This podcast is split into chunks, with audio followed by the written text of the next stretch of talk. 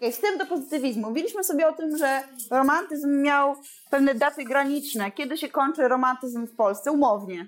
Jakim wydarzeniem historycznym? 1863 powstanie styczniowe jest to data umowna rozpoczęcia pozytywizmu. Umowna, bo tak jak już mówiliśmy, to wszystko jest bardzo płynne. E, I my będziemy sobie omawiać najpierw pozytywizm, a później modernizm, tak? czyli młodą Polskę. Ale w rzeczywistości wyglądało to tak. Kiedy rodzi się pozytywizm i osiąga apogeum, to już debiutują e, młodopolanie. Tak więc to się pokrywa.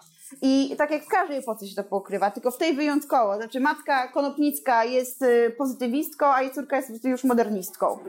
Więc y, tak to wygląda. Mamy duży konflikt pokoleń. Starzy kontra młodzi. Młodzi przesyceni katastrofizmem e, i zbliżającą się pierwszą wojną światową. I to będzie widać bardzo w ich twórczości. Tu będziemy mieć y, romantyzm, ale zrobiony dobrze. Generalnie. Tym jest, tym jest modernizm. Dlatego stąd inna nazwa neoromantyzm a pozytywiści to ludzie pracy. Nadal jesteśmy, jak czytacie lalkę, to sobie nie uświadamiacie, mimo że to jest powieść realistyczna, że wszędzie stacjonują wojska carskie. Ponieważ Prus wprowadził pewien zabieg. Jedyny Rosjanin, jaki się tam pojawia, to jest Suzin. Y, I generalnie jest jeden Rusek. Na razie tyle.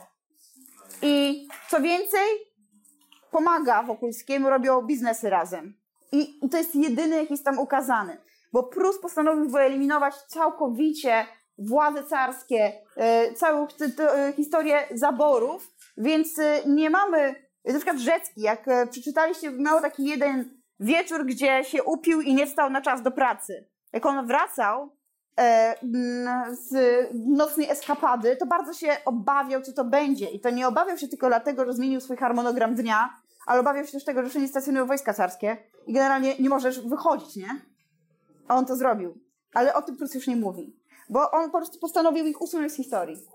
Prus to wszystko wyeliminuje. Ale jest, to wszędzie Rosjanie i jak mamy romantycy wymyślali powstania i umierali. To była ich metoda na mm, patriotyzm, tak? Iść i się poświęcić. Mesjanizm. Polska Chrystusem narodów, ja umrę e, dla przyszłych pokoleń. Składam ofiarę ze swojego, ze swojego życia. Pozytywiści mają inny pomysł. Uważają, że romantycy zmarnowali szansę. Za dużo młodych ludzi umarło. Tylko nie jest to takie zmarnowane szanse że e, będziemy oczerniać romantyków. Jest duży szacunek do powstańców. E, I tu wielu jeszcze powstańców będziecie widzieć w lalce. E, ale to nie jest metoda. Metodą dla pozytywistów będzie praca jako pomysł na patriotyzm zamiast iść i umierać, pracujmy, budujmy ten kraj. Budujmy, wiecie, to to samo, co komunizm zrobił. Kobiety na traktory. To się stąd też bierze. I teraz to, co jest ważne, właśnie stąd ta idea pracy i równości społecznej. To będzie ważne. Więc praca jest formą patriotyczną, bo my idziemy budować, póki też władze carskie finansują, nie? Bo oni finansują, że to niby dla nich, a my wiemy, że przyjdą czasy, że kiedyś się polepszy, więc na razie budujmy, idźmy do pracy, nie umierajmy. Oczywiście i tak będą umierać, ale mówię na razie o idei. Pozytywizm jest e, kolejną wielką epoką idei, tylko udaje, że to nie są takie idee jak u romantyków. Romantyk e, kochał, poświęcał się, umierał, wierzył w miłość, ale tylko taką nieszczęśliwą. A tutaj będzie bardzo dużo haseł, które dzisiaj sobie omówimy, a omawiając różne e, teksty pozytywistyczne, zobaczycie, jak życie weryfikuje te hasła. E, ruszają manifesty.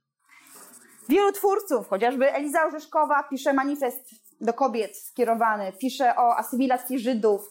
To są pomysły na to, jak uzdrowić społeczeństwo. I że te tematy mają się pojawiać też w literaturze, bo literatura też musi pełnić rolę taką jak praca, czyli wszystko, co robimy, ma być utylitarne. Co to jest utylitaryzm? Utylitaryzm, czyli użytecznie. Nie ma już czegoś takiego, że narysujesz obraz po prostu dlatego, że on jest ładny. I to jest jego jedyny cel. On musi czemuś służyć. Najlepiej, żeby tam była kobieta, która pracuje w polu. Ma być cel, ale cel e, społeczny. Tak jakby celem też jest sztuka.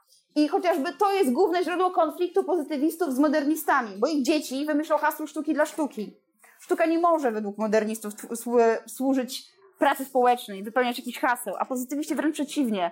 Każda rzecz teraz, jaką robisz, musi służyć przyszłym pokoleniom. Musi służyć społeczeństwu. Więc mamy ten utylitaryzm e, e, Johna Stuarta Milla. Skąd ta nazwa pozytywizm? Co oznacza pozytywizm? To nie jest daje okejkę. I to też nie jest optymizm. Moi drodzy, jest bardziej przyziemnie. Pozytywizm, nazwa wzięta z wykładów o filozofii pozytywnej Augusta Comta, oznacza po prostu pożyteczność. Macie być pożyteczni. No i dobra, mamy być pożyteczni, ale jak to zrobić po latach romantyzmu, gdzie nikt nie pracował? Tylko żyły na majątkach, które były. Musimy wspomóc się hasłami, bo y, w czasach romantyzmu mieliśmy macie te początki, właśnie taki preromantyzm zarysowany w Panu Tadeuszu, nie? To była szlachta, była szlachta ziemiańska, była arystokracja, ale dochodzi nam do zmian społecznych i e, jak już czytacie lalkę, to budują fabryki, tak, oczywiście, ale mamy nową klasę społeczną, to są mieszczanie, czyli tak naprawdę chłopi z miasta, a zanika nam szlachta, szlachta ziemiańska, w ogóle jej nie ma i Wokulski jest szlachcicem z pochodzenia. I mimo to, że jest szlachcicem, to jest zubożałym szlachcicem. Czyli nie ma nic i musi pracować jak mieszczanin, a chciałby być jednak bliżej arystokracji, bo te ambicje są duże. Ale się w ogóle już nie liczy. Mamy zdeklasowany, jest po prostu. Jest zdeklasowany, więc y, zmieniają nam się y, realia społeczne. Teraz duża część życia przenosi się do miasta. Budujemy te miasta. One oczywiście były wcześniej, ale teraz miasta to jest miejsce, gdzie możesz dostać pracę. Tak więc wszyscy jadą do miast. To pozytywiści wymyślili 8-godzinny dzień pracy. Podzielili dobę na 8 godzin pracy, 8 godzin relaksu yy, i rodziny, czyli wymyślili coś takiego jak czas wolny. Modnie było sobie już znowu chodzić do teatru, do kawiarni, no i 8 godzin snu. Nie? To to jest równowaga. Wtedy możesz pracować. Oczywiście, kto pracował 8 godzin, no, w fabrykach raczej więcej harowali, no. Ale idea jest, nie? Tak, chęci były. No i wymyślono, że jest, musi być po pracy, każdy dla zdrowia psychicznego jest ten czas relaksu. Pojawia się takie pojęcie jak higiena pracy, ale to koniec pozytywizmu w ogóle. Jakieś myśli o higienie. Myśli o higienie będą zajmowały modernistów. Wtedy wymyślą, że może ludzie tak nie będą umierać, jak będą się myć. Jest taka szansa, nie? I dopiero tutaj w czasach pozytywizmu Starynkiewicz robi w Warszawie filtry. I mamy wodociągi. W ogóle Prus jak się dowiaduje, że mają być w Warszawie kanalizacja, to w kronikach jego tygodniowych pisać, na co to komu to dzieło szarlatana. Ja wam pokażę fragmenty z takiego kronik. Dzieło szarlatana, po co tak kopać miasto? Po co ta kanalizacja? Załatwiali się do wiadra za kamienicą i robili gnojne kopce. Cały romantycy wszędzie śmierdzieli kupą. I to są te czasy. Dopiero zaczyna się ta myśl. Ona jest szykująca, wprowadzamy kanalizację. E, hasła epoki. Dobra, mamy budować społeczeństwo, żeby więcej rąk do pracy było, żeby się jakoś postawić. To jest forma patriotyzmu. A kto pracuje? Mamy taką właściwie emigrację do miasta, ale do tej pory pracowali tylko mężczyźni i to głównie mieszczanie. Szlachta miała jakieś kiedyś tam majątki, arystokracja to w ogóle żyje na majątkach, które ciągną się już od czasów renesansu z pokolenia na pokolenie. I teraz musimy zrobić jednak, żeby dopracować. Generalnie arystokracja nie potrafiła zajmować się pieniędzmi, które ma, bo zawsze je po prostu miała. I właśnie to macie w lalce. Kryzys, kończą się wielkie majątki. I co z tym zrobić, z tym reszt resztką pieniędzy, jaka została? I stąd dlatego przychodzi Wokulski cały na biało i mówi, będę inwestował wasze pieniądze i będziecie zarabiać nic nie robiąc. Nie? I dlatego on jest biznesmenem tutaj. To on chce wykorzystać tych pieniędzy, żeby oni mieli za co dalej żyć. No ale musiałby się pojawić taki Wokulski. Nie? Taki biznesmen, który w ogóle był w stanie dojść do tego zamkniętego, hermetycznego środowiska arystokratów i to w taki sposób, że oni go docenili. Docenili go dlatego, że po prostu już im się przy tyłku paliło, bo byli biedni. Nie? I tylko dlatego go dopuścili, bo uznali, że skorzystają z tej relacji. E, on, on też korzysta.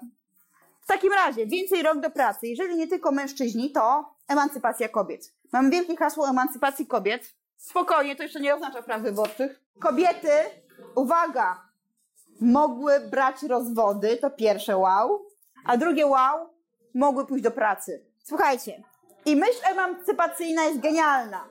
Wiążą się z tym wiele anegdot, bo przy pozytywizmie, to też musimy już teraz powiedzieć, rozwija się prasa. Rozwija się prasa i rozwija się prasa codzienna. Stoją różni chłopcy na ulicach i krzyczą, że dzisiaj o, kurier codzienny, kurier codzienny, tak? I ludzie kupują. I wtedy mają informacje. I żeby codziennie mogła wychodzić gazeta, to musi mieć temat jakiś, nie? Więc tematem stają się rozprawy rozwodowe. One były otwarte. Słuchajcie, to jest sędzia Anna Maria Wesołowska w wydaniu pozytywistycznym. Więc dowiadujecie się, kto się z kim kłócił, co się działo. No i jest bardzo ważny dział kroniki kryminalnej. Generalnie wszystkie pojazdy żon, żony do męża przy rozwodzie, wszystko to było opisywane i ludzie to czytali, bo to było fascynujące, nie? co się działo w końcu. E, e, jest też kronika kryminalna i z tą kroniką kryminalną też jest anegdota, bo córka Marii Konopnickiej, wielkiej poetki Marii Konopnickiej, wtedy bardzo cenionej, o niej jeszcze będę wam mówiła, pewnie dzisiaj, e, była kleptomanką. No i modern, modernistką z ducha, więc właściwie trochę wyjęta spod prawa, ciągle w środowisku artystycznym, Dużo opium tam było i innych używek. I notorycznie w kronice, kronice kryminalnej można było przeczytać. Córka wielkiej poetki Marii Konopnickiej znów w więzieniu. Matka nie chce płacić kaucji i tak dalej. Więc to też był temat. Tak? Coś się działo.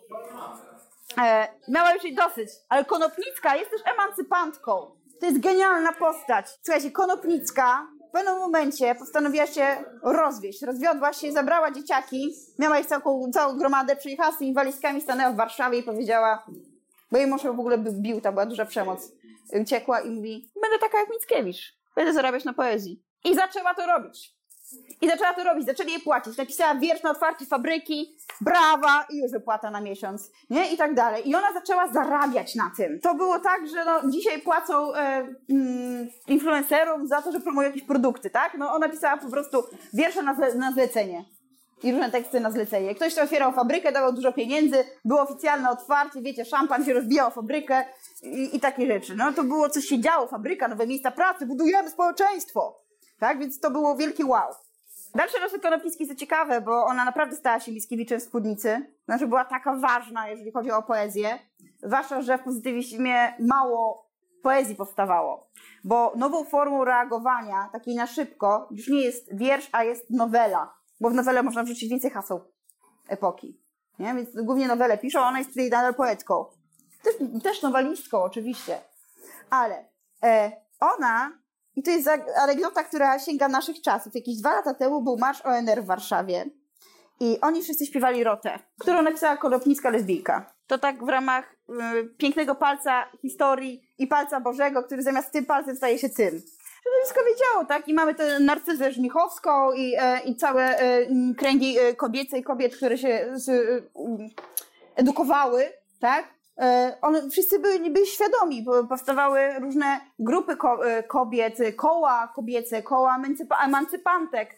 E, to było wiadomo, ale mm, no nie było to tematem debaty publicznej. Tak? No raczej, raczej nie, no bo wiemy, że w niektórych krajach karano po prostu pobytem w areszcie. Właśnie tak było ze Oscarem Wilde'em. Ale mm, na przykład teraz wyszła książka o doktor, mam sklerozę, napisał to Wojciech Szot. Mam tę książkę, jest genialna, nie pamiętam nazwiska. O, w każdym razie jednej z mm, pań doktor po prostu e, w Warszawie i w okolicach, w tych mniejszych miejscowościach, to było dużo, pamiętacie, sanatoriów. Tak? E, I e, o tym, że jak się dowiedzieli, że ona jest homoseksualistką, tak, to odbierali dzieci i oczywiście już wtedy były te same hasła, które dzisiaj słyszymy w opinii publicznej, że demoralizacja młodzieży. Tak? Skoro lekar, lekarka, która jest lesbijką, leczy dziecko, nawet jeżeli uzdrowiła, to na pewno zakaziła swoim homoseksualizmem. Więc takie są hasła. Genialna książka, jakby ktoś chciał, służę. E, taka biograficzna, ale też pokazująca wszystkie te ruchy kobiece, jak sobie świetnie radziły tak naprawdę, mimo tej opinii publicznej. E, ale wracając do emancypacji. O, Orzeszkowa to też jest bardzo ciekawa postać i wielka, bardzo nieszczęśliwa postać żeby mimo wszystko przebić szklany sufit mężczyzn, którzy głównie zajmowali się sztuką i literaturą, o nich było słychać, ona musiała być jeszcze bardziej pozytywistką niż jakikolwiek mężczyzna. Dlatego nad Niebem nie da się przeczytać, bo to jest powieść ra, e, realistyczna do kwadratu. Ten dziesięciostronicowy opis liścia nie jest przesadą, tak? bo ona pokazuje, czym ma być ta powieść realistyczna. Ale jako y, osoba, y, kiedyś jeszcze Wam o niej opowiem, bardzo, bardzo ciekawa, też dość dużo, dużo przeżyła, ale ona pisze i z takim głosem rozumu, chce być, bo jest szanowana. I pisze artykuł kilka słów o kobietach, I tam mówi o tym, że kobiety, jak pójdą do pracy, to nie znaczy, że są złymi matkami. Ona musi to uświadamia społeczeństwu. I całe społeczeństwo o tym mówi, że kobiety porzucają rodziny, bo chodzą do pracy. Że z tego powodu jest nieszczęście i patologia. I, to się, I ona musi to tłumaczyć, że ona chce pracować, ale też y, każda kobieta i każdy człowiek, tak samo jak i mężczyzna, potrafi kochać, potrafi opiekować się drugim człowiekiem i to sobie nie przeczy. Ona musi to tłumaczyć społeczeństwu.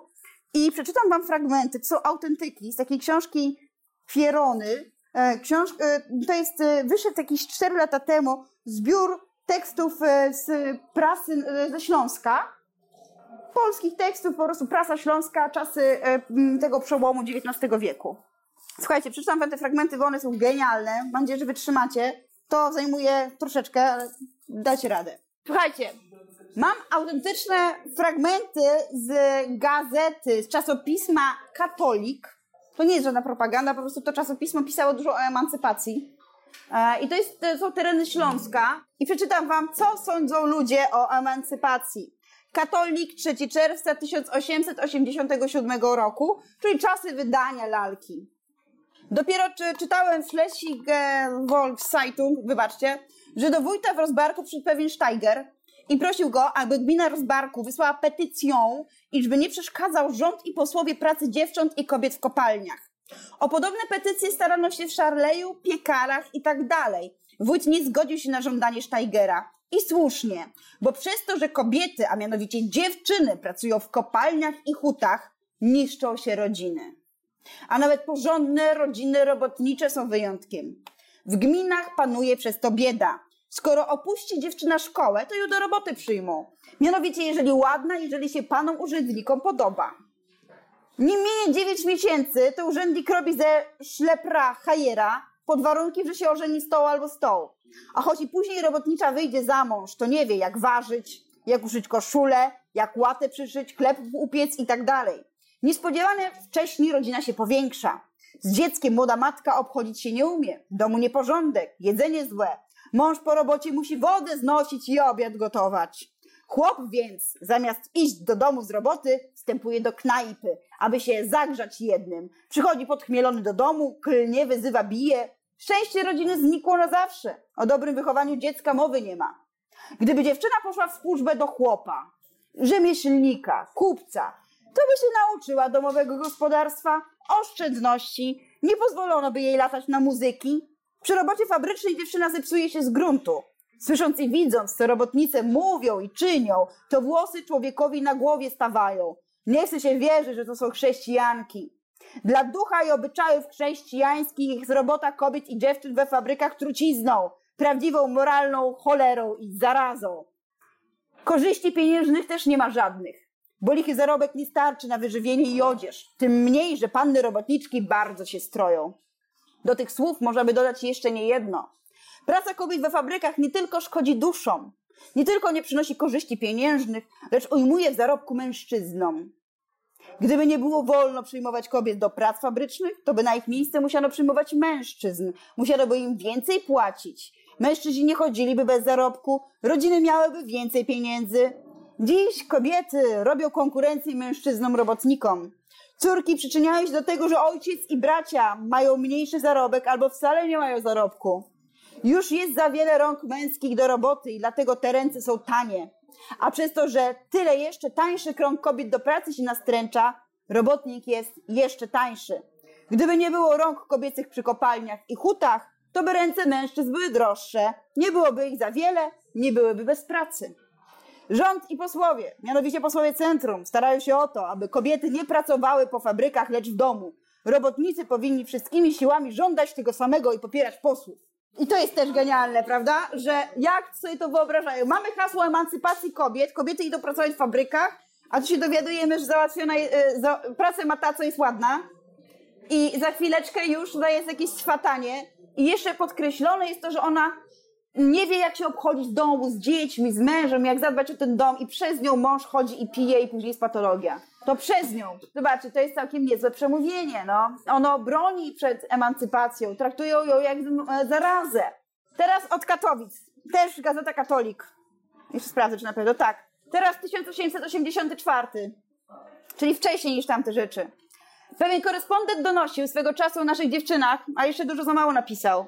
Dlatego dla rodziców napisałem, jakich córki i synowie w pykę popadają. Jak dziewczyna dostąpi lat 16, to poczyna w hucie lub fabryce pracować, a zamiast sobie ciężko zapracowany grosz złożyć w kasie oszczędności, to sobie nakupi wstążek i stroików rozmaitych, a jak za mąż idzie, to co gorsza, bardziej w pykę popada. Potem chłopie pracuj, a biada, jak mało zarobku i mało pieniędzy do domu przyniesiesz. To zamiast dobrej żony masz samego piekielnego czarta w domu. A kochany czytelniku, gdybyś widział taką robotniczkę ubraną, powiedziałbyś, to paryska dama pociągiem przyjechała. Szaty piękne, kapelusz jak stary grzyb, krzywy, rękawiczki z owczej skóry, a pierścienie mosiężne, aż oko się odwraca. Jakże się ma żona takiego urzędnika lub nadmajstra ubrać, kiedy żona ubogiego robotnika się tak ustroi? A po polsku mówi się wstydzi.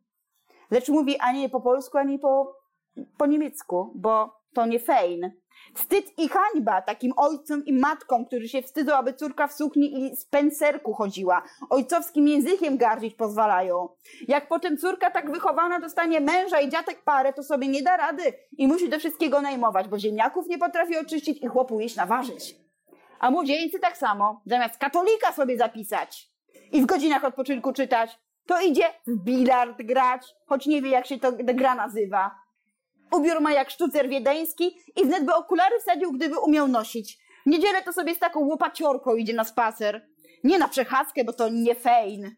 Wy, rodzice, będziecie na sądzie pański za to odpowiadać, że nie wychowujecie dzieci ostro i bogobojnie. Nie wyrywacie chwastu grzechu i złych skłonności ze serc młodych.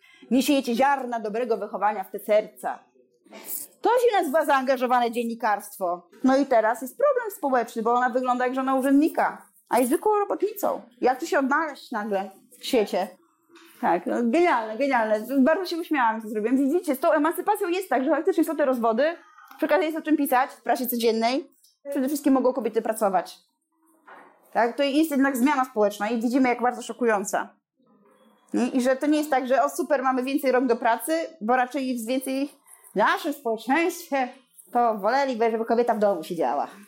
Nie? I to widać tutaj ewidentnie. Dobra, to już mamy te kobiece ręce do pracy, no i mamy tych e, innych robotników, chociaż wiemy, że kobiety przeszkadzają, ale dobra, to już mamy to i to. Z czego jeszcze składa się społeczeństwo? No, my żyliśmy zawsze w takim tyglu wielokulturowym, zatem hmm, asymilacja by się przydała. Mówi się o asymilacji Żydów, ale chodzi nie tylko o asymilację Żydów, chodzi o generalnie asymilację wszystkich mniejszości narodowych. To by się też opłacało. I przykłady asymilacji macie bardzo dobrze skrytykowane w lalce. Żydzi zawsze mieszkali na terenach polskich i nic by się nie dziwiło, ale skąd jest hasło asymilacji? Ponieważ w czasach pozytywizmu już pod koniec romantyzmu pojawiają się e, ruchy antysemickie. I żeby powstrzymać ruchy antysemickie, postanawiają stworzyć modę na asymilację. Że w ten sposób. Tak, e, I mają powstawać teksty różne, pokazujące zas zasymilowanych Żydów, ale to też jest tylko piękna idea, że wszyscy jesteśmy razem, pracujemy na jedno państwo, bo po pierwsze, Żydzi są wykształceni, w przeciwieństwie do Polaków, robotników. Oni mają zakłady pracy, oni zatrudniają, tak? oni mają banki, oni inwestują w ten rozwój już od najmłodszych lat. To jedno, opłaca się ich mieć, żeby poczuli się Polakami i zarabiali na nas. Nie? I żeby na Polaków zatrudniali dają miejsca pracy. I to widzimy, w lalce jest przyjaciel e, Wokulskiego, który się nazywa Henryk Schlangbaum. Oni się poznali na Syberii, gdzie jeden i drugi został zesłany, zesłany za udział w powstaniu styczniowym. Henryk Schlangbaum jest zasymilowany. Czuje się Polakiem. Chce walczyć o, o zyskanie, tak? o niepodległości. Ale Polacy, jak on wraca, i tak go nie szanują, bo on jest Schlangbaum. On i tak czuje, że jest wyobsowany. Więc w pewnym momencie Henryk zmienia nazwisko na polskie, na szlangowski. I w tym momencie ani go Żydzi nie szanują, ani Polacy. To jest genialnie pokazane w lalce. Lalka jest powieścią rozrachunkową z epoką. I ona dementuje wszystkie hasła epoki. Pokazuje, że idea była, ale wyszło jak zawsze. I dobrym przykładem tej asymilacji Żydów jest nowela Marii Konopnickiej, która jest zatytułowana Mendel Gdański. Mendel XII, tak? Był y, tam 12 czy 15 Mendel? W każdym razie e, naste dziecko swoich rodziców, stąd to imię, gdańskie, polskie nazwisko, e, jest już dziadkiem i opiekuje się swoim wnukiem Jakubem. I Mendel Gdański dowiaduje się, że jego wnuk wraca ze szkoły i e, tam e, ktoś go prześladował. No mówi, co ty się wstydzisz, że ty Żyd jesteś? Do czego tu się wstydzić? No tak normalnie no człowiek żyje całe życie w Polsce. I później przy, on jest introligatorem, czyli oprawia książki w okładki. I przychodzą różni klienci, studenci i mówią e, Panie Mendel, słyszeliśmy, że Żydów mają bić. No a po co mają żyć bidu, e, bić Żydów? Co oni takiego złego zrobili? No nie jest w stanie tego zrozumieć. Co to znaczy? No a może pan by się jednak schował, bo mają Żydów bić. Tak mówią. I tak teraz klienci przychodzą, a on właśnie jest wkurzony, że oni mu takie rzeczy mówią, bo nie wie dlaczego nagle ma się czuć źle w miejscu, gdzie się urodził, spędzić całe życie. Sąsiadka mu przynosi zupę, ma tu wszystko e, znajome miejsca. O co chodzi? No i faktycznie idzie nagle masa ludzi, przychodzi ten student, który go ostrzegał i zamyka drzwi i prosi go jeszcze, żeby krzyż chrześcijański, tak, katolicki był w oknie. On mówi, czego ja mam się wstydzić? Tu wszyscy odkąd dziec od dziecka tu mieszkam, wiedzą, jaką wiarę wyznaję. Ja jestem Polakiem, ja jestem tutejszy. E, no i wpada przez okno kamień. Kamień rani jego wnuka w głowę na szczęście nie zabija, bo generalnie w nowelach jest dużo śmierci, ale tutaj nie. Ale ważne jest to, co mówi Mendel. Osuwa się po ścianie i mówi: Straciłem serce dla to miasto. Dokładnie w ten sposób. Także jest zasymilowany, całe życie żył z tą wiarą, ale bardziej chodziło o to, że to żyli, czuli się Polakami, ale Polak zawsze jednak patrzył jak na, obcy, jak na obcego. I to jest duży problem, który widzą pozytywiści i go poruszają, bo czym się różni przede wszystkim pozytywizm od romantyzmu? Romantyk jak szedł ulicą, to patrzył w niebo.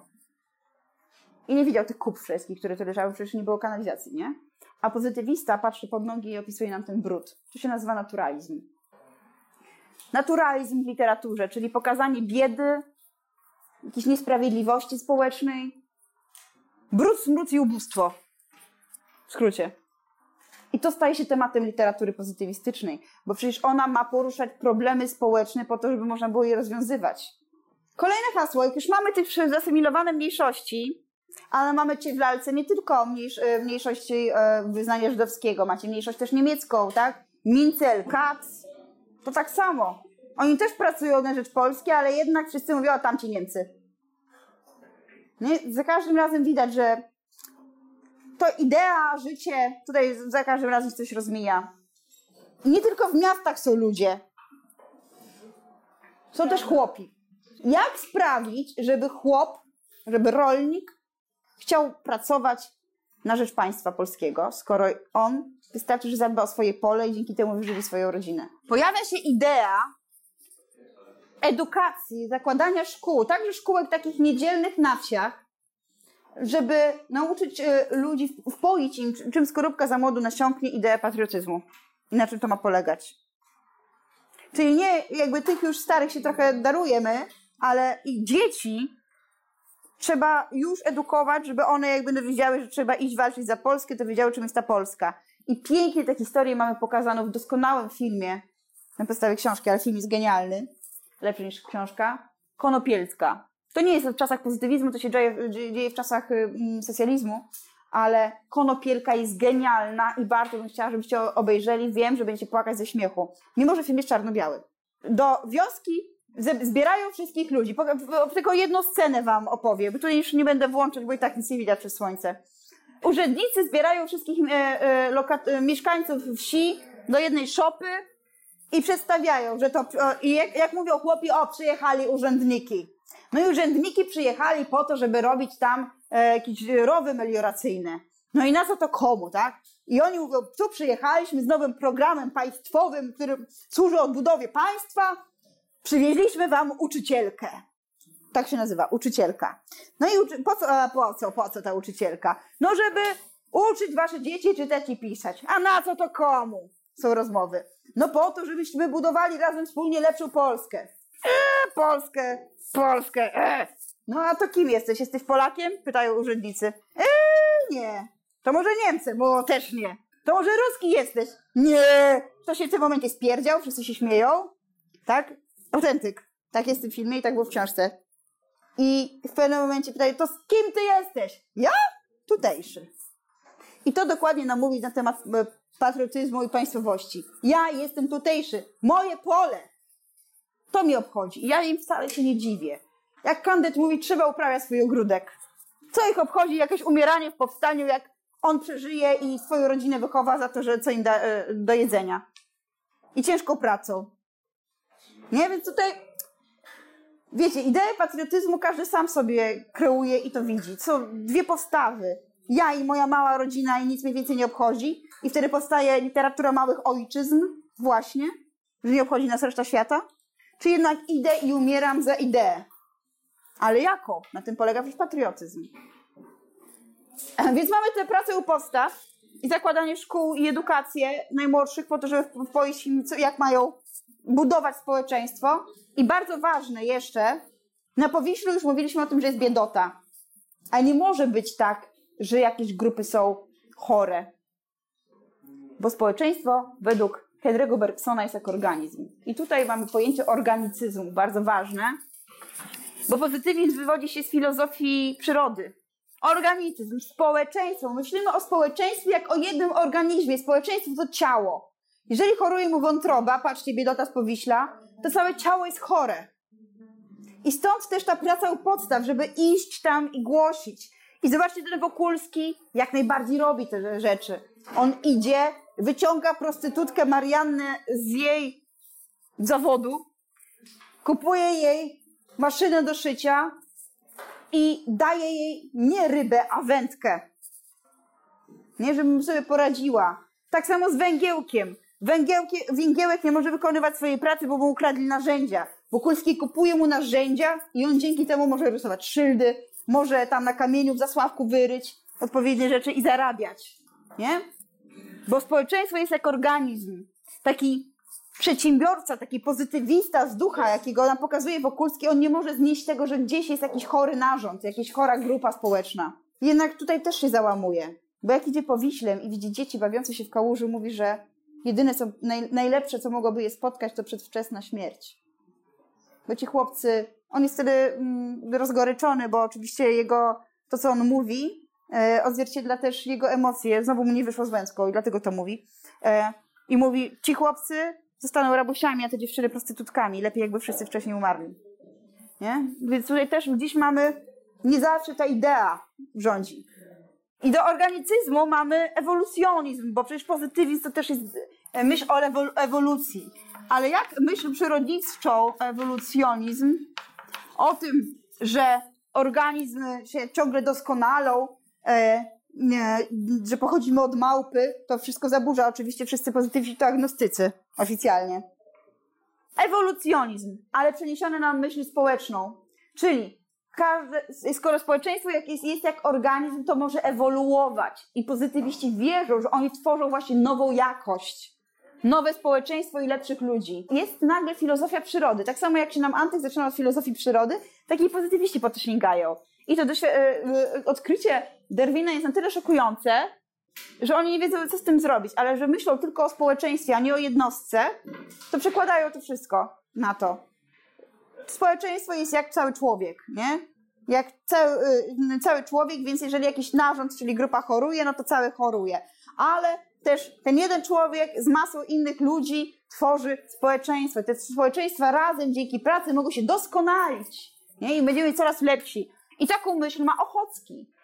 On jest utylitarystą. Mam nadzieję, że doczytaliście, kim jest Ochocki. Ochocki e, marzy o stworzeniu maszyny latającej. Po co?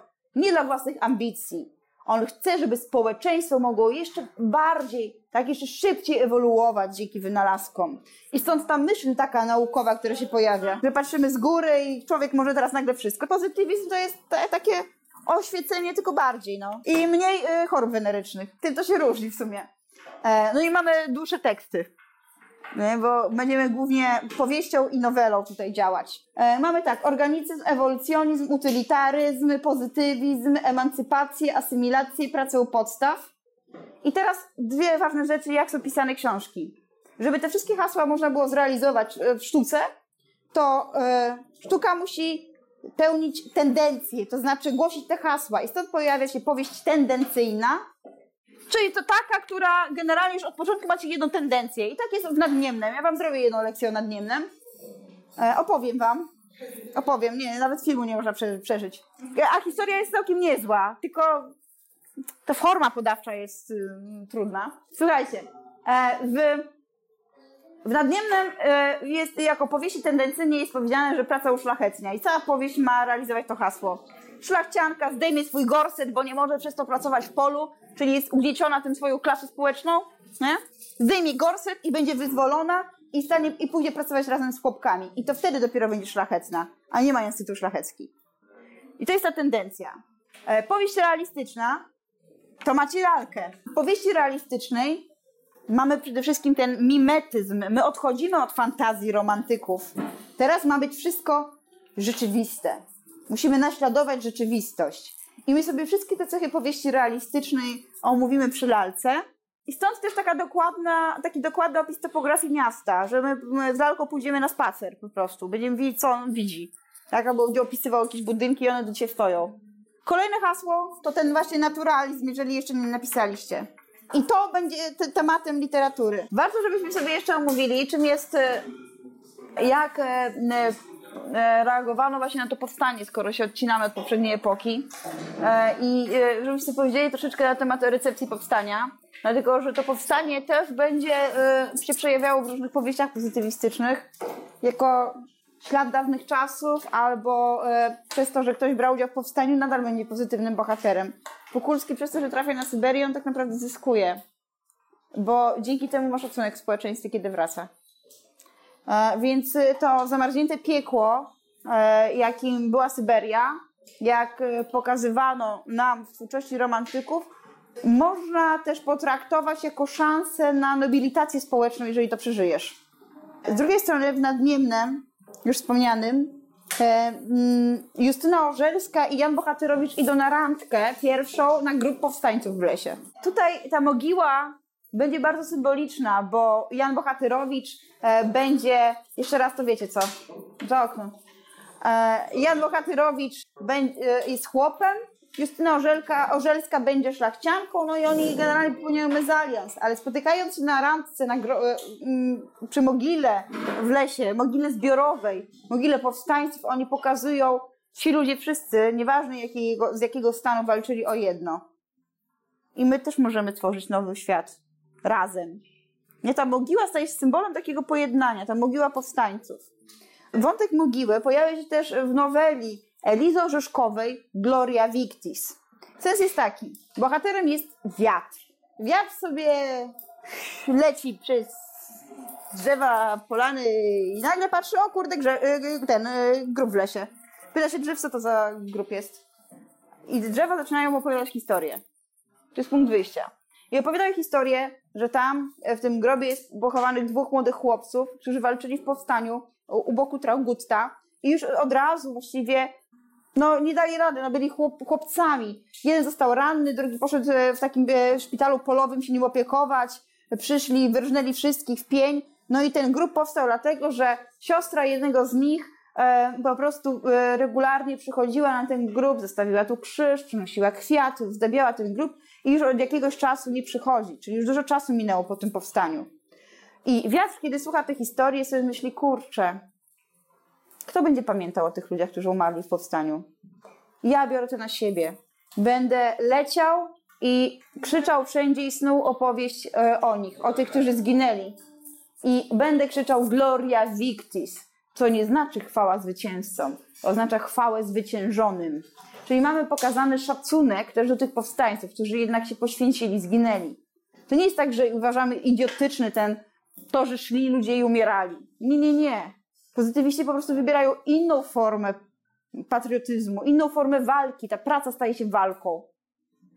No, czyli Gloria Victis, chwała zwyciężonym. Słuchajcie, no powstają e, też teksty patriotyczne. Na przykład Mieczysław Romanowski tworzy do prośba o orła. Mówiłam wam, że poezji pozytywistycznej jest mało. I tak jest. I ona jest średnia. Przeczytam wam tak na szybko. 1858, żebyście poczuli tego ducha, jaka jest recepcja powstania. Sam krzyż. O, krzyża nie dawaj mi siostro. Z pierwszą jam marzeń i uczuć godziną wziął krzyż i ciernie w sercu tkwiące ostro. Jak mi to brzemię cięży, wiesz, dziewczyno. A jeśli krzyż mi wyszyć chcesz koniecznie, wyszyj, że orła na odwrotnej stronie. Orła, co biały, a ku słońcu wiecznie patrzy i trzyma miecz ostrzony w szponie. Dość już tych modłów bezczynnych do Boga. Walk nam nie wolno dla krzyża pominąć. Jam ptak, od Boga szable mam na wroga, mnie walczyć, w walce, patrząc w słońce, ginąć.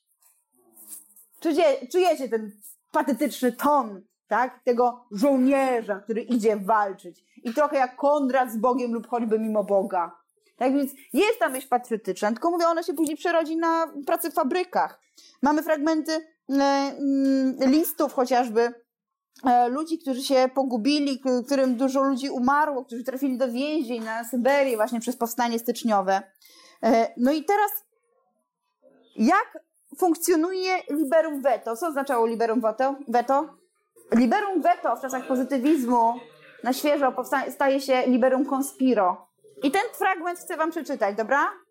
To jest artykuł o tym, że liberum veto staje się liberum conspironis króciutki. Wolność obywatelska była dla ojców naszych duchem Rzeczpospolitej. Państwo formą i ciałem, a z troskliwością o ducha zapomnieli oni o formie. Troskliwość ta o ideę doszła do niepraktykowanych nigdzie bajecznych rozmiarów, bo wyrodziła absolutyzm jednostki politycznej liberum veto.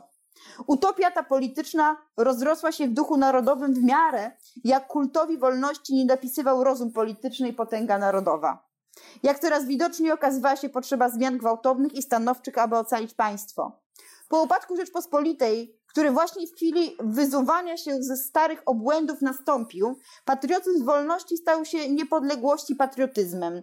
Wady pierwszego udzieliły się drugiemu, a liberum veto znalazło się w liberum conspiro. Toż samo przepełnienie ideo, które zaślepiało szlachcica przedrozbiorowego na polityczny stan kraju, które rwało najzbawienniejsze roboty i przeoczało najwidoczniejsze niebezpieczeństwa, stąpiło szerzące się propagandą ucisku zastępy, czyniąc każdy indywiduum z osobna przedstawicielem nowego dążenia. Też sama świadomość szczytności sprawy, która pomimo walnych braków w organizmie państwa napełniała pieśń upadającej Rzeczpospolitej wiarą w jej trwałość, przyjaźń sąsiadów i dalszych w opiekę Bożą, też sama świadomość zastępowała w postaci jasnych marzeń, o bliskim szczęściu w postaci złotych nadziei w swoje i nie swoje siły, aby zbliżyć i upodobnić to, do czego społeczność otoczona trudnymi okolicznościami, obciążona wadami i rozstrojem przeszłości, z niezałatwioną kwestią społeczną, bez dostatecznych sił inteligencji i materialnych nie dorosła. Silne przejęcie, przejęcie uczuciowe tymi ideami rodziło gotowość czynu, niedorośnięcie do idei, jego bezowocność i szkodliwość. Pierwszy kult skończył się upadkiem Rzeczpospolitej, a prawdziwą groźbą i przestrogą stały się dopiero ostatnie wypadki. Ta przestroga skutkować musi, jeżeli chcemy ocalenia. Musimy się wyleczyć z liberum conspiro, jakeśmy się wyliczyli z liberum veto. Musi raz ustać gorączkowa wiara i lekkomyślna wierzchliwość, a pozostawszy tylko u straży narodowych dogmatów, w życiu politycznym ustąpić miejsca umiejętnej i dojrzałej wiedzy środków zachowania i podniesienia narodowego. Zobaczcie, oni tutaj mówili, że kiedyś romantycy ulegali marzeniom i ideom, ciągnęli tej wolności i z tego też trzeba się wyleczyć, mówią pozytywiści, takich marzeń dziecięcych, bo one były, ale przez to wszystko było później nieskuteczne, dlatego te powstania były przegrane. Oni dokonują pewnej recepcji, mówią, że nie tędy droga, my nie umiemy walczyć, zwłaszcza nie potrafią walczyć młodzi ludzie, którzy nie są prowadzeni przez jakichś dowódców. Tak więc teraz Później były same podstępy. Z liberum veto, które szkodziło, przeszliśmy do liberum conspiro, które jeszcze bardziej szkodziło. Teraz musi być prawo i praca. Dzięki temu może dopiero za jakiś czas przestaniemy marzyć, a zaczniemy robić. Pamiętajcie o tej legendzie powstania styczniowego. Tutaj będziecie mieć w tych fragmentach dużo tekstów e, z fragmentami, gdzie macie właśnie odwołanie do powstania. E, no jak wygląda ten krajobraz po klęsce? No, y, generalnie ludzie nie, oczer nie oczerniają, ale dzieje się dużo wydarzeń historycznych, które są szokujące. Co się wydarzyło na Cytadeli 5 sierpnia? 1864. Teraz po powstaniu styczniowym. Powieszono Romualda Traugutta, tego, który był wspominany w Gloria Victis. Generalnie e, zostaje e, e, powieszony za to, że był dyk dyktatorem insurekcji E, i z, nim razem powieszono jego współpracowników, e, wielu ludzi aresztowano. I to było przerażające, bo to się stało na oczach społeczeństwa. wiecie, budujemy niby wolność, nową Polskę dzięki pracy, ale to jest trochę taka praca, kiedy kontroluje was kat. Trochę tak to wygląda. Więc te y, odejście od marzeń może być też jakąś formą odnalezienia się w bagnie, w którym się znaleźliśmy. Także po prostu już koniec może narzekania, poświęćmy się pracy, trochę jak kandyd. Pracuj nie rozumując. Tylko dlatego możesz przetrwać. Jakby oni widzieli te wszystkie aresztowania, wieszanie ludzi, no to się działo wszędzie na ulicach. To, to było wielkie wydarzenie społeczeństwa. Nikt o tym nie mówi. To był szok. To duży. E, no i ten e, rozmiar, rozmiar klęski powstańczej był przerażający. Dziesiątki tysięcy poległych, 669 wyroków śmierci, tysiące zesłań na Syberię, oczywiście spalone dwory, jakieś tam straty materialne. Nazwa Królestwo Polskie została oficjalnie zniesiona i wprowadzono nową. Kraj Przywiślański. Więc nawet kurna nie wiesz, gdzie mieszkasz, no. Nagle ci zmieniają nazwę. I tu się zaczyna nam rusyfikacja i wy byliście gnębieni na bank gimnazjum syzyfowymi pracami, bo to są te czasy. Sama nazwa wskazuje, że jak, tak jak we frazeologizmie syzyfowe prace, to znaczy te bezsensowne i to syzyfową pracą miało być y, rusyfikacja. To jest o chłopcach w szkole, których próbują zrusyfikować i oni potajemnie czytają sobie książki polskie. I koniec. To jest najgorsza lektura, jaką w życiu czytałam. Więc mamy duży proces rusyfikacji, o tym pamiętajcie. Zasada jest taka, Szanujemy powstańców, którzy umarli, ale my inaczej będziemy walczyć o niepodległość. Pracą. To jest nasza forma walki. Teraz tak, przechodzimy do nowel i ja wam podam nowelę, szybko streszczę i powiem, do którego hasła pasują. Nowela jako gatunek. Czym się charakteryzuje? Krótki, mimetyczny utwór jednowątkowy. Dziękuję. I teraz tak. Jak pokazywano pracę u podstaw, w noweli Bolesława Prusa, Antek, mamy chłopca, który chce się wyrwać ze wsi do miasta i się uczyć. Bo co się dzieje w jego wsi? Jego młodsza siostra się przeziębiła. Mama poszła do miejscowej znachorki. Znachorka powiedziała, o wsadźmy ją do pieca, znaczy zdrowaś Mario. Dziecko się upiekło. I trochę był obciach, więc mama potajemnie zrobiła pogrzeb i mało ludzi tam było, tylko rodzeństwo. No i Antek chce się z tego wyrwać, tak? Więc mamy tę pracę u podstaw, że jednak wieś to trochę ciemnota. Naturalizm, tak? Czyli te nowele będą podejmować trudne tematy. Jest sobie chłopiec, który bawi się sam. Nie ma z kim się bawić, bo on głównie żyje w świecie dźwięków. Słyszy jak spadają krople na liście, słyszy jak szumi trawa. On sobie z tego w głowie układa różne kompozycje muzyczne. I któregoś dnia, jak się tak sam bawi, tuła się sam po wsi, widzi przez okno w dworu pana, jakiegoś bogatego, który mieszka tam na wsi, skrzypce na ścianie. Słyszał wcześniej ich dźwięk, więc wchodzi przez to okno i chce dotknąć skrzypiec. Dotyka tych skrzypiec, tylko co? I nagle wchodzi jakiś lokaj i robi zadymę, że jakieś biedne, znaczy, że jakieś brudne chłopskie dziecko dotyka skrzypiec pańskich. Wyciągają go, leją, biczowanie, wołają matkę, a matka dalej biczowanie, gdzie on się szwenda, że on nie rozumie, co, co może, czego nie może. Tak go zbili, że chłopak umarł. Koniec noweli Janko Muzykant Henryka Sienkiewicza. Mamy autystycznego chłopca. Dzisiaj byśmy, on jest tak opisany, że on jakby mm, żył tylko w swoim świecie i zostaje zbity, bo jest z rodziny chłopskiej, tak? I dotknął nie tego, co, co mógł. Tu pokazujemy, że niby taka tolerancja, a jest ciemnota przede wszystkim i duża przemoc. Nie? To pokazują. Taką niesprawiedliwość społeczną. Nasza szkapa, Maria Konopnicka, Nasza szkapa. To jest książka o koniu, o szkapie, która jest, no właśnie jak te wszystkie filmy o koniach, źli ludzie, gnębiony koń, musi pracować w kopalniach i umiera. Więc zobaczcie ten schemat, nie? Szkice węglem, Henryk Sienkiewicz. Wieś Barania Głowa, wieś Barania Głowa. Bohaterowie, Młode małżeństwo, które właśnie ma małe dziecko. Piękna, młoda, grzeczna, dobra dziewczynka, która zostaje matką, ma noworodka i jej mąż, jako jedyny zarabiający na tę rodzinę. Żyją w skrajnej biedzie. Urzędnik, który chciałby przespać się z tą ładną dziewczyną. Ona, no nie. No przecież, no nie, dlaczego? No. Więc ten urzędnik wymyśla, że wypisze rozkaz powołania do, na jakąś bitwę gdzieś tam będzie wysyła jej męża. Pisze rozkaz jest sprzedanie. Mąż się upija, szczęśliwy, będzie żołnierzem. Jej. Nie, już się boi, że umrze, więc już się nakręcił tym alkoholem. Super, super. Ona myśli, jak ja przeżyję z moim dzieckiem? On umrze tam, to po pierwsze, jeszcze on był schorowany jakiś, e, e, ten jej mąż. Nie, że on tam pewnie umrze, to jak my sobie damy radę? Muszę coś z tym zrobić. No ale co chce coś zrobić, chodzi i błaga od tego urzędu, to ten tylko wiesz jak to załatwić. No i ona oczywiście nie chce tak tego załatwić, ale ulega. Ona wraca zapłakana do domu, ale sobie myśli, uratowałam go. Uratowałam go, on nie musi jechać na wojnę. I ona wchodzi do domu, że właśnie to zrobiła, przespała się z tamtym gościem, żeby on był wolny i żeby mogli być dalej szczęśliwi jako rodzina. On do niej podchodzi, uśmiechnięty, bierze się kierę i zarąbał ją nad, nad łóżeczkiem, nad kolebką z noworodkiem. Koniec. To były szkice węglem. To były szkice węglem. Henryk Sienkiewicz. Słuchajcie, y, bohater noweli nie ma życia. Sachem. Nowela Sachem. Znowu Henryk Sienkiewicz. Zaczyna się od tego, że macie Indianina, który zaczyna śpiewać bardzo brutalną pieśń zemsty. Taką pieśń bojową.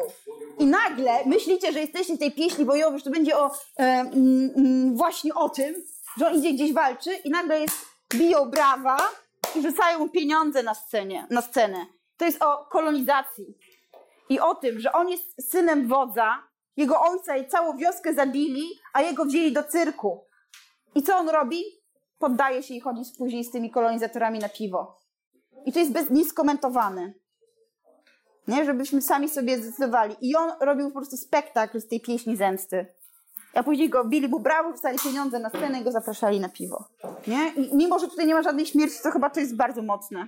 Katarynka była o tym, że sobie wychodził na miodową w Warszawie Kataryniarz. Wiecie, jest Katarynka, nie?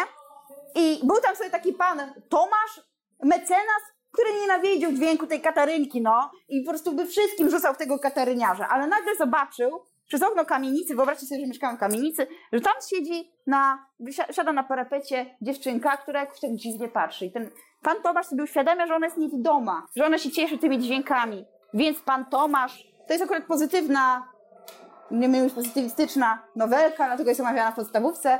E, I pan Tomasz po prostu płaci 60 groszy, czyli codziennie za 6 godzin grania temu kateryniarzowi, żeby grał dla tej dziewczynki. Zmienił się. No i jeszcze bardzo ładna, akurat taka, której mogliście nie omawiać, a którą warto omówić, nowelę, Kamizelka. I jest bardzo ważne, jak to jest napisane. Mamy piękną kompozycję, taką szkatułkową i motyw sokoła. Jak pamiętacie, może kiedyś czytaliśmy sobie fragment Dekameronu i było jedno opowiadanie właśnie taki motyw, z motywem sokoła. O tym, że mężczyzna zaprosił kobietę z jej synem i chciał ich ugościć, a nie miał czym, zabił swojego sokoła, a oni przynieśli mu coś dla tego sokoła. Nie? Takie nieszczęście, takie rozmijanie się. I tutaj tym motywem sokoła, czyli takim leitmotivem, właśnie jest motywem przewodnim jest ta kamizelka. Jakiś, robimy fabułę wokół przedmiotu. E, no i ta kamizelka staje się symbolem miłości i prawdy, ale też tego kłamstwa z miłości. Było tak, że narrator ją kupuje na dole na straganach i przychodzi z nią do domu i wie, czym jest ta kamizelka, bo jak w kamienicach macie dziedziniec na środku, to możesz podejrzeć sąsiada, nie?